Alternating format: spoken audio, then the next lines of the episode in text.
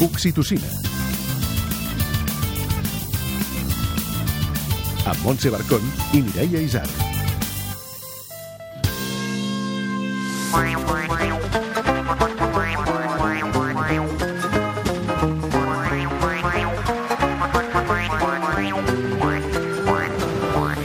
Avui sabrem com és com a pare Enrique Arjuna, membre del grup que ho peta entre el públic familiar, el Xiula.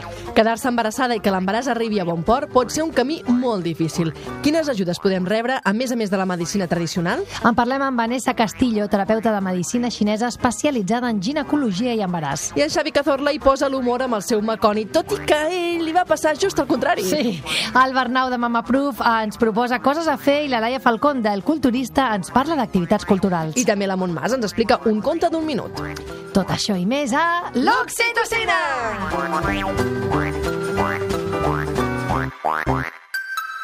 Tu, tots, tothom.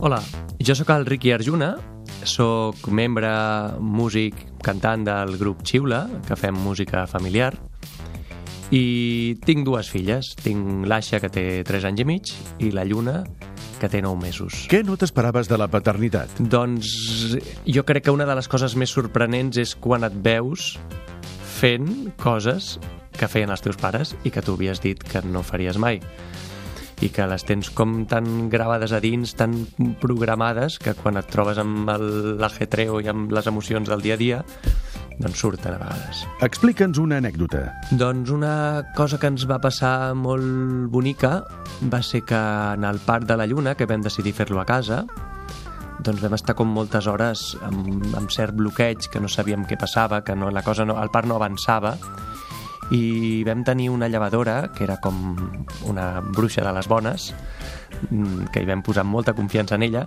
doncs que va detectar que hi podia haver com alguna cosa emocional que, que no deixava que la cosa tirés endavant, no?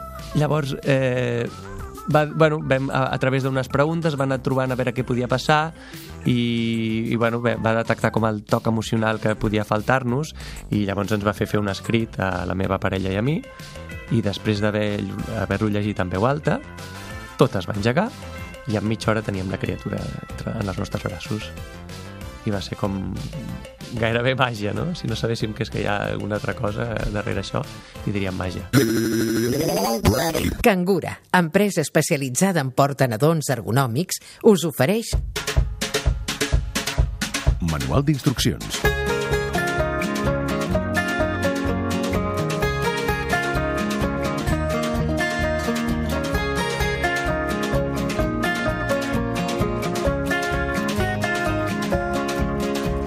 Quedar-se embarassada no és tan fàcil com Ah, que sembla. ho juris. O que arribi fins al final de l'embaràs. També, aquesta és una altra.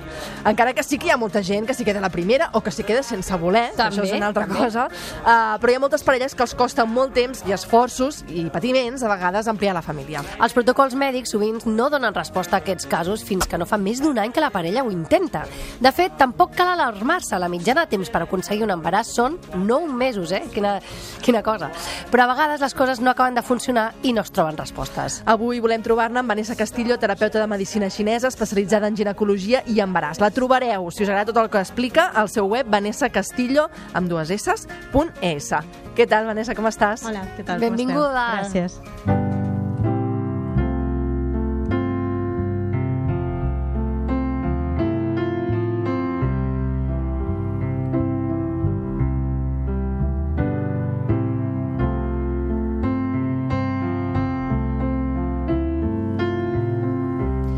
Comencem pel principi, Vanessa, per qui no en tingui ni idea de res de la teva feina. Què és la medicina xinesa?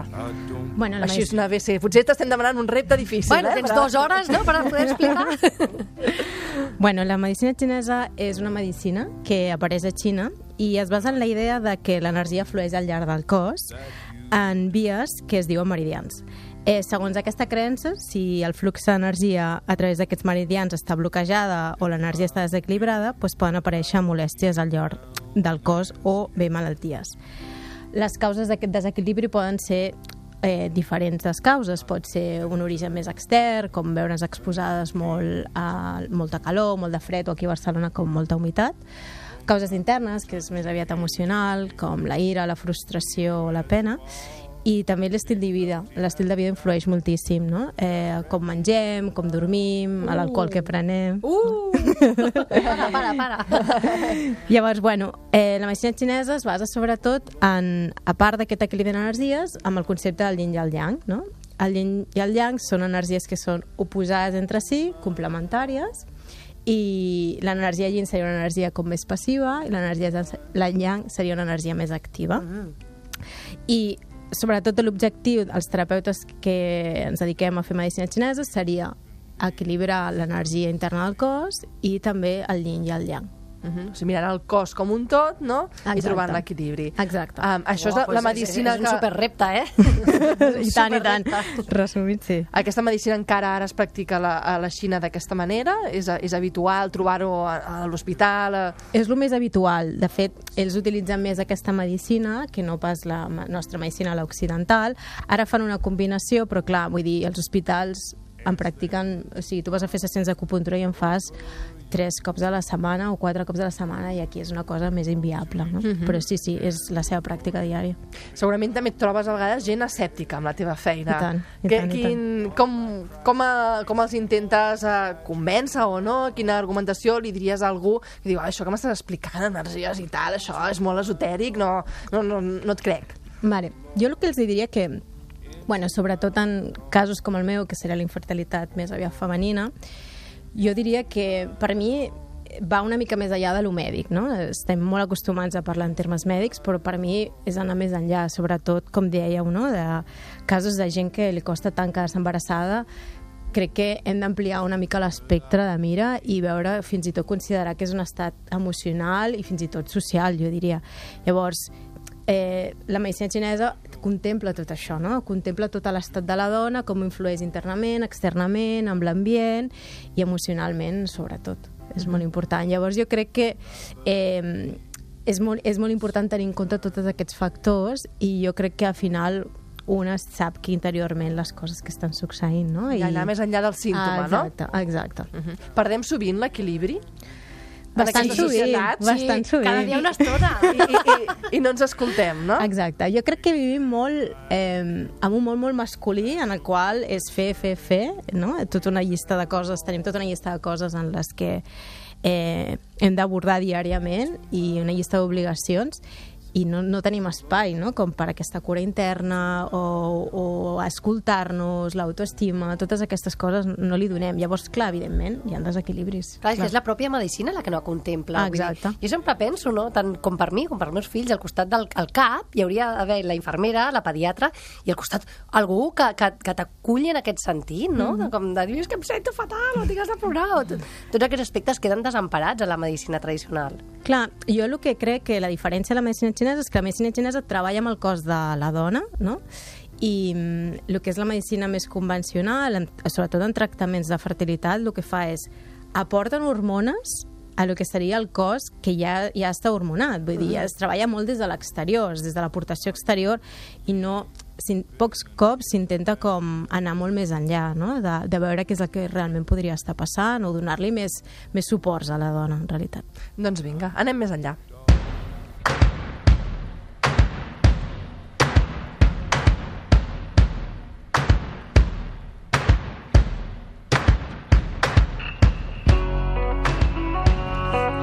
A veure, t'has especialitzat en la dona, això ja ho hem dit. Quins són els problemes més habituals que et trobes a la consulta? Bueno, jo crec que per mi lo essencial, i és per on començo sempre, per mi són els temes digestius, que sembla que no estigui gens relacionat amb temes ginecològics, però per mi és la base. A través de la digestió és on obtenim els, els nutrients on- d'on es fabrica la sang, que després ens ajudarà tot el tema de la menstruació, la concepció, l'embaràs, el part. I el segon també que em trobo molt és que la majoria de dones tenen dolors de regla i ho veuen supernormal. Vull dir, és una, o síndrome premenstrual. Pues sí, em sento irritada una setmana abans. Tinc, dol- sí, sí. tinc dolors una sí, sí, setmana sí. abans. I això no és... I ho tenim assumit com que Com- ha de ser així. Exacte, No? exacte. Llavors jo crec que això és com el més comú, en la qual són coses en que no t'impedeix viure-hi, perquè pots fer el teu dia a dia, però realment és, és una patologia. Um, I si ens centrem en els casos de dificultats per quedar-se embarassada, tu creus que això és un problema que està en augment, que, que està estabilitzat, cada cop t'hi trobes més a la consulta? Jo crec que cada cop m'hi trobo més a la consulta i només cal anar a, a clíniques de reproducció assistida per veure és un gran problema que està molt amagat i es parla tampoc, o sigui, no es parla bàsicament, és, està molt silenciat. Jo crec que cada cop més però no ho atribuiria que és lo comú de dir és l'edat, no? perquè ja tinc una certa edat. Mm, Jo crec que és, jo, com parlava al principi, és com aquesta desconnexió de la dona, del nostre cos, del nostre sistema reproductor i, i de posar el pilot automàtic en moltíssimes coses. Segurament a la teva consulta arriben persones molt al, al, al límit, no? I, I que tu acabes allà... Bueno, i que no, té, i que no té més resposta a altres llocs, no? Exacte, com a, jo sóc l'última opció en tot el que han provat fins ara. Tot i que cada vegada uh, s'inclou més l'acupuntura, ja, que ara deies clíniques, hospitals, que inclouen ja l'acupuntura mm. com, com un suport. Com un acompanyament. Com un acompanyament, sí, jo crec que, que està superbé i que anem agafats de la mà a la medicina occidental o no oriental, per mi és ideal. Per mi està com molt, consider molt considerar obertament en temes de dolors, la gent ho prova moltíssim. En coses així és més escèptica, no? Però sí, evidentment, cada cop ens estem obrint més. I tu ajudes a moltes parelles que estan en, en processos d'in vitro o inseminació, vull dir que uh, molts cops és això que dius, treballes a, al costat no? d'un altre tractament que li estan fent a aquella persona. Exacte, exacte, exacte. Jo crec que per mi és arribar a un punt, no? El camí jo ja cert, jo tinc unes limitacions i, i ells també en tenen unes altres, el que dèiem al principi, no? Tota la part més emocional, tota la part més energètica, d'alimentació, d'hàbits, recomanacions així, i és on arribo jo, i ells arriben pues, a la part més, més bueno, més... Eh, Mèdica. Exacte, més mèdica, i, uh -huh. i jo penso que és un gran complement, i tant. Perquè a la consulta, eh, per arribar als teus objectius, fas acupuntura, no? Clar, el que és la medicina xinesa es basa, té moltes eh, teràpies i jo les principals per mi serien sessions d'acupuntura, que seria insertar agulles al llarg del cos, No fa mal, no fa mal, et dono, et dono fe, et dono fe. eh, després recomanacions en li- l'alimentació des d'un punt de Això vista sí fa mal, energètic. això sí fa mal. I per últim, fitoteràpia xinesa, que serien pues, això, herbes xines o no. Eh? Eh, llavors serien aquestes recomanacions remeis que trobem en un arbolari, Ah, exacte, no? fàcilment, no és res massa complicat. Però sí, es basaria bàsicament... Aquestes serien les bases, n'hi ha moltes més, però jo les que crec que són més complementàries entre si, més assequibles, serien aquestes tres.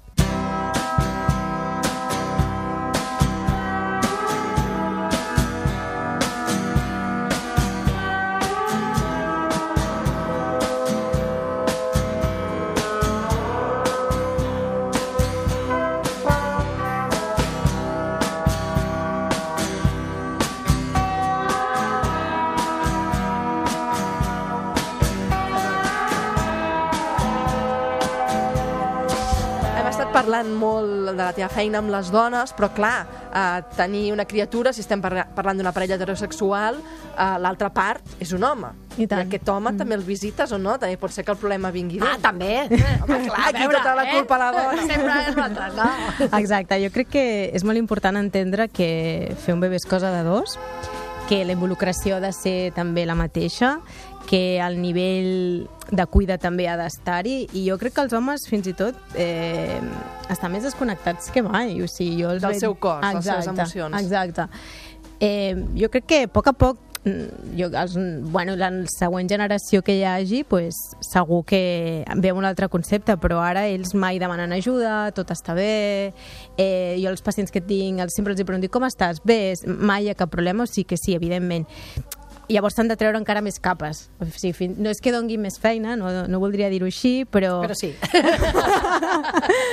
Però bueno, vull dir, a nivell emocional hi ha tanta desconnexió, però sí que és cert que el seu sistema hormonal és molt simple. Vull dir, estan exposant-nos a altres coses, doncs el, ell l'estil de vida els hi marca moltíssim, més que nosaltres, però, però bueno, s'han de treballar diferents coses, clar que sí, però sí, I sí. llavors en algunes parelles, I tant, i si tant. creus convenient, també... Recomano que vinguin tots dos i tant. En quin moment creus que s'ha d'anar a buscar respostes? O sigui, quant temps ha de fer que una Clar. parella ho intenta per anar a buscar solució amb un professional, siguis tu, sigui el seu ginecòleg, o sigui el que, el que ells se sentin més còmodes, no sé. Jo el que considero és que per mi nou mesos és una barbaritat de temps. Eh, el poder de crear està, vull dir, hi és, i el potencial hi és. Llavors, ha d'haver algun motiu perquè no estigui passant. Eh, ho faria des de... No m'esperaria 9 mesos, jo recomanaria com uns 4 o 5 mesos.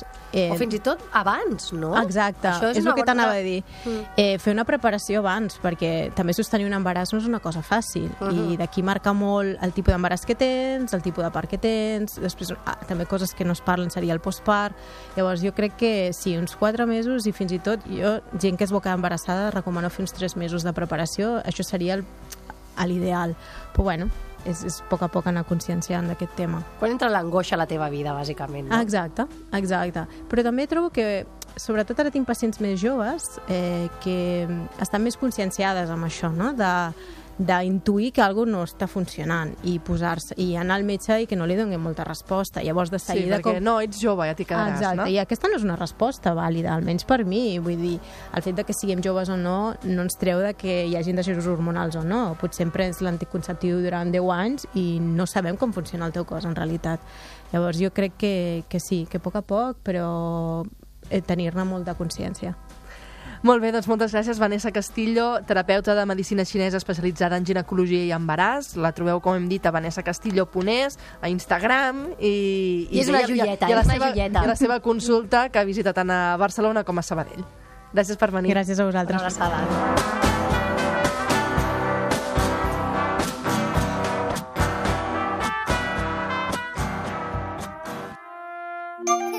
Anar tot arreu amb els nadons i fills petits és una satisfacció. Però perquè tothom estigui content i segur, s'han de saber portar. Cangura és una empresa especialista en portanadons ergonòmics. Això vol dir que respecten la fisiologia de la criatura i la de la persona que la porta al coll. És important que les mares i els pares també coneguin els abrics de portament, assessoraments, formacions i tallers que solucionen el transport de cada dia i en diferents circumstàncies. Sempre és millor que els nadons estiguin ben a prop de la mare i del pare i compartir l'experiència de portar-los a coll proporciona contacte, llibertat i, sobretot, felicitat. Més informació a cangura.com. La. El procés d'embaràs pot ser llarg i la medicina tradicional segur que pot ajudar. Ara, per tradicional, gastat i subat, aquell consell de tota la vida de quan menys ho busqueu arribarà. A veure, no dic que no hi hagi casos que ha passat, eh? Però aquesta teoria li veig un índex de fiabilitat científica una mica baixet. Sí, una mica, sí. I és que no és tan important i crucial el quan arribi l'embaràs, que segur que arribarà, home, com el saber com afrontareu amb el vostre fill o filla l'arribada del Carnestoltes. Por Dios, no! El mes de febrer ha Sí, sí, sí, sí, no poseu cares estranyes, que és dels moments més complicats i crucials de la paternitat, eh? I és que som a les portes del Carnestoltes, i això, quan portes el teu fill a la guàrdia, exigeix una preparació mental i física important. Una setmana abans de Carnestoltes, reps a la motxilla del teu fill un full que anuncia tot un seguit de gincames que s'hauran de dur a terme cada dia amb el teu fill per anar a la guàrdia.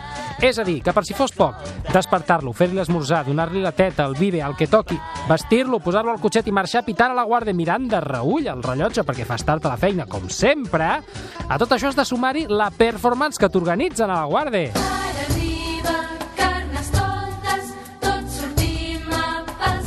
Els dilluns tots els nens hauran de venir amb un bigoti fet de casa. Què dius? Bé, home, fàcil, assumible, i tant que sí. Tinc dues filles, no tinc corda suficient per lligar-les a les dues a la cadira i poder dibuixar-los un bigoti en condicions. Home, com ho faig? Perquè a casa ens agrada fer les coses ben fetes i els hi volem fer un bigoti ben fet, home, ben parit. No que sembli un adolescent de 14 anys amb quatre pèls de res al bigoti tipus cantinfles. No, no, no, no, una cosa ben feta. Perquè després al xat de WhatsApp de la guàrdia enviaran la foto de tots els nens i tu podràs valorar pel bigoti que porta cada nen com s'estimen els seus pares, els seus fills. Sí, sí, sí, això està passant. I si dibuixar un bigoti ja no és fàcil, perquè les teves filles no es deixen, intenta gestionar que el bigoti segueixi pintat un cop arriben a la guàrdia. Bo! I és que pel camí les meves filles es fregaran més el bigoti que un farlopero a l'amnèsia i el fregament d'elles, perquè sí, sumem-hi també els mocs que tenen pels encostipats del mes de febrer. Vaja, que el teu fill surt de casa amb un mostatxo milimetrat com el de Dalí i aquest bigoti arriba a la guàrdia més malmès que un cotxe devastado de la Guàrdia Civil. I això el dilluns. El dimarts hem de portar les nenes amb un barret. I clar, sempre hi ha l'opció d'anar a un xino i comprar un barret, però com a pare i mare orgullosos, sempre us intenteu currar alguna cosa i compres cartró o algun material d'aquests fàcilment moldejable per intentar fer un barret. I després, perquè sembli que l'han fet les teves filles, els hi demanes que toregin una mica amb pintura, amb rotuladors o amb gomets. però explica-li a una criatura de dos anys hiperactiva que 200.000 gomets són suficients, que no cal posar-hi 200.001, que només és un puto barret. És impossible. I què passa? Doncs el mateix que una massa de pizza amb masses ingredients a sobre, que s'acaba trencant. I al final el teu fill es presenta a la guàrdia amb un barret doncs, que has trobat a última hora al maleter del cotxe d'un comiat de solter i sí, té una cigala amb potes, però què vols fer-hi? Era això o res? No, no me jodas, Manolo. Això sí, que el dimecres és un oasi al desert perquè et demanen que els hi portis un antifàs. És una cosa fàcil, mm, fàcilment assumible i fins i tot als teus fills els hi pot fer gràcia perquè semblen unes ulleres. I el dijous, en canvi, han d'anar de peix! I dius, hòstia, que bé, com disfresso el meu fill de peix? El fico dins una urna plena d'aigua o què faig? I després ve més complicat. Ves a la rua amb el teu fill vestit del que toqui. I espera't, perquè quan són una mica més grans i tenen una mica més de noció de la vida i de ganes de putejar-te tu com a pare, el teu fill et diu Papi, i tu no et disfresses?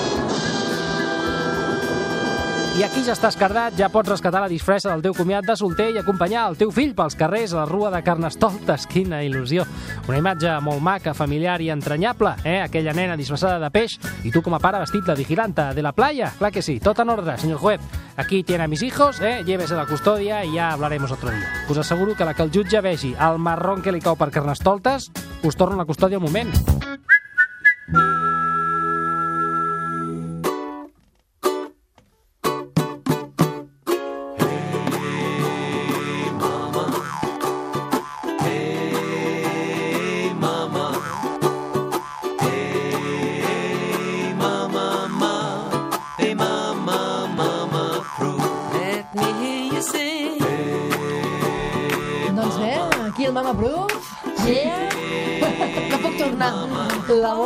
Marxat, l'hem no, perdut. El Bernal, què tal? Bona tarda. Molt bé, bona tarda. Què ens portes avui? Mira, avui us vull parlar de com posar bona cara al mal temps, Oh, perquè segur que totes, totes, totes coneixem la sensació d'agobi un màxim quan plou i quan fa fred i no saps què fer amb els nens i estàs allà. Ah! Dia seguit, sí, dia seguit. Sí. Doncs us porto moltes idees, va. Oh, gràcies. Anar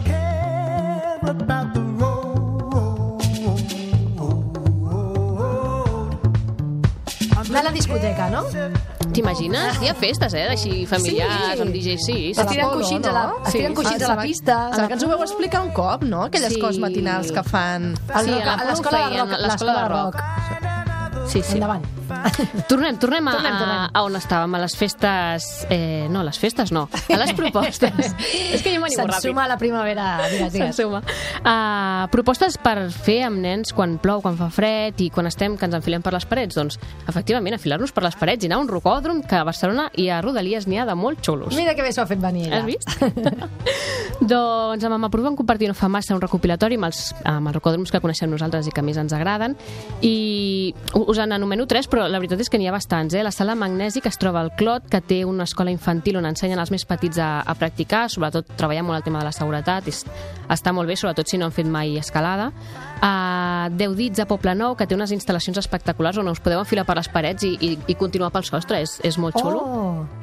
I el Xarma, que potser és dels espais més, més coneguts perquè tenen més, més tradició, i també té un programa formatiu per infants que està molt guai perquè treballen eh, valors com el compromís, la confiança, el companyerisme, tot al voltant de, de l'escalada. Doncs mira, jo no sabia que, que parlaries d'això, però n'afegeixo un. Vinga. De Sabadell, faig ciutat, eh? Digues que sí, la que Unió sí. Excursionista de Sabadell, a part del seu esplai, que es diu La Ganyota, i tenint les diferents seccions excursionistes, també fan un extraescolar d'escalada per nens res, a partir de 5-6 anys, em sembla que s'hi poden apuntar. Mhm, És una activitat molt xula per fer. Fa Forpienc por. segur que tenim coses també de... de compra tenim molts casa. esplais i moltes caules, que segur que hi ha un rocòdrom per allà al barri. Alba, moltes gràcies. A vosaltres.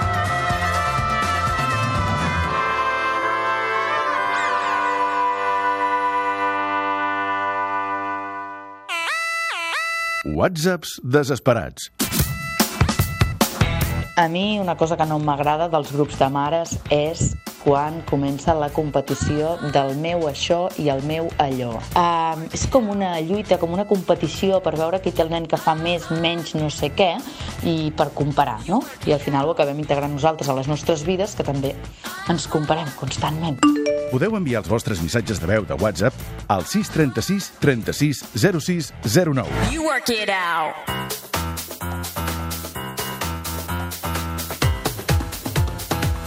El culturista.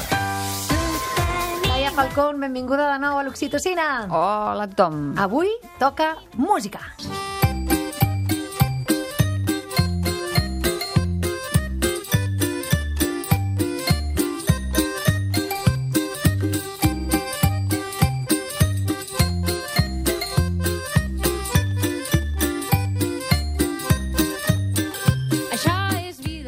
Això és vida, Laia. Això és vida. Qui són? Explica'ns. Mira, avui us parlaré de música baixeta, com diuen ells mateixos. Són les dues princeses barbudes, que ara mateix és un grup de música pop que ha esdevingut referent pel públic familiar des de fa uns anys. Uh, el composen una, una parella, que és l'Helena Casas, que us pot sonar de grups com Pomada Ai, sí! I- Ai, quins records! i Angelina i els moderns. Eh, Aquí ja no veus? Doncs és ella, que a part és il·lustradora, que il·lustra el, tots els discos que treuen, Ah. i el Marc Mercè, que és músic i, tècnic de so. Ells dos han, han muntat aquesta banda, han actuat en tots els festivals quasi de, del territori i fora, és a dir, el Mercat de Música Viva, el Festivalot, la Fira Mediterrània, la Mostra, el Dia Minimúsica, i, i, bueno, i després en sales de concert, evidentment, de, de, també de tot arreu. Els, fan, ells fan cançons i rimetes, uh -huh. sobretot, van començar amb un primer disc que es deia així, Cançons i rimetes, i el que feia era una revi revisitar eh, amb una visió minimalista i pop, tot de cançons, rondalles i de, de tradició catalana. Hi havia cantarelles, romanços... Eh, és, és molt dolça d'escoltar. I mm, després van treure l'enciclopèdia Baixeta de nit, Ah. que l'enciclopèdia Baixeta de nit ja eren composicions 100% seves, Molt bé. com ells diuen 100% Van, barbudes. van agafar ja seguretat. Sí, al voltant de la nit. O sigui, és, és tot el que acompanya el ritual de casa. De fet, hi ha alguna que no sé si és així o és el meu cervell que ho ha enregistrat així, però és com si notessis um, que baten un ou per fer la truita, no? que és molt Ah. de família a casa, clic, clic, clic, la truita francesa, fa aquest so de I tu, fons. tu creus que això dorm els nens, aquest disc? Uh, Podríem provar, eh? Seria un bon recurs, eh? Almenys el relaxa segur. Mhm. Això segur.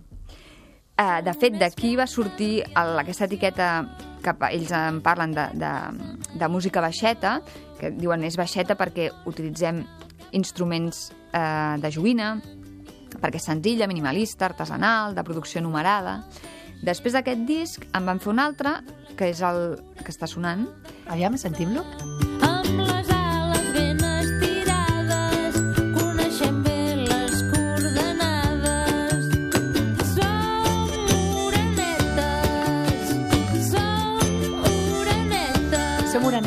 Som morenetes. Aquest, aquesta cançó és del disc Sempre de vacances. I tot el disc, totes les peces, va, que són 11, eh, van lligades a les orenetes, als hàbits de les orenetes. Són cançons de música suau, feta amb instruments de joguina, on la veu de l'Helena és la, el fil conductor de cançons que són contes, en realitat, no? i t'explica historietes plenes de melodies enganxoses, lletres simpàtiques, lliures de moralismes... Bé, bé. Bé, i amb constant pinzellades iròniques i, i molt quotidianes. I la bona notícia i sorpresa és que fa molts pocs dies eh, van escriure un correu, m'imagino que no a mi, sinó Laia, Laia, t'hem de dir una cosa. no, a molta més altra gent. De fet, ho han publicat ja a l'Instagram, per tant. Vaja, bueno. Eh, que trauran un nou disc, que es veu que han aprofitat que les orenetes s'han anat de vacances a l'Àfrica. Ah, mira-les. I s'han inspirat, i el nou disc es dirà La bona vida. Ui, aquest, amb aquest títol és molt prometedor, eh? I sortirà, pel que m'han dit només a mi, A tu, Laia Falcón. és que sortirà després de l'estiu. Que bé, els fem amb ganes. Sí, si entreu al seu Instagram, a les dos princeses barbudes, i veureu un petit fragment d'ells tocant cada duim, que és una de les cançons del, del proper disc. Que bé, doncs escolta, anem de vacances? I tant, Som-hi. fem-ho.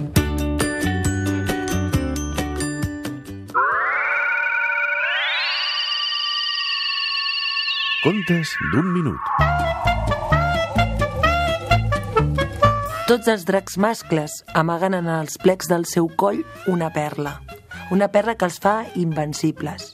Un dia, un noi, mentre excavava el seu hort, allà a la Xina, va trobar una d'aquestes perles. Ell se la va empassar i diuen que li van començar a sortir ales i després escates i diuen que es va convertir en un dels dracs més bonics que sobrevolen la Xina. Esto me lo he inventado, eh? I ara l'Elisabet Pedrosa, de l'Ofici d'Educar, ens ha deixat un missatge. Coneixeu el fenomen de la segregació? Us posem un exemple. L'escola Santa Eugènia de Girona. Mentre que al barri un 40% de les famílies són d'origen nouvingut, a l'escola hi ha un 70% d'immigració, al voltant de 25 nacionalitats i unes 10 llengües diferents. Atenció al testimoni que ens ha deixat a l'Ofici d'Educar la directora, la Magda Campistol. L'alumnat aprecia i les famílies aprecien molt l'escola perquè és l'únic lloc on els nens van aprendre. Quan acaba l'activitat escolar no van a fer extraescolars enlloc ni tenen l'hàbit que els seus pares els caps de setmana els portin doncs, a la muntanya ni els apuntin a un casal ens trobem amb alumnat que fins i tot quan li dius que són vacances es posa trist perquè s'avorreixen a casa. Tot això fa que des de casa, malgrat que tinguin moltíssimes ganes que els seus fills progressin, eh, no els poden ajudar. Realment el que treballem a l'escola és el que aprenen els nens. Explica'ns una anècdota. Doncs, bueno, ja, ja que parlàvem d'això, mm, jo recomano molt l'experiència del part a casa.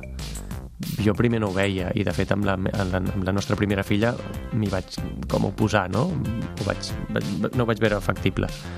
Però després d'haver-ho viscut i també amb, com em vaig formar una mica per, per veure quines eren les, el, el que comportava, doncs ho vaig, ho vaig veure molt clar. A part de que la meva parella doncs, també ho veia molt clar i que jo creia que s'ho mereixia, no? Però el, el part de casa eh, eh, és com poder-lo dirigir tu, poder-lo viure molt en primera persona i la, llavors tens les emocions a flor de pell i, i si es pot fer i si no hi ha cap contraindicació i és, no és un part de risc doncs jo ho recomano molt La dosi d'oxitocina setmanal s'acaba aquí. Si en voleu més, en trobareu al grup de Facebook, al blog del programa i al podcast.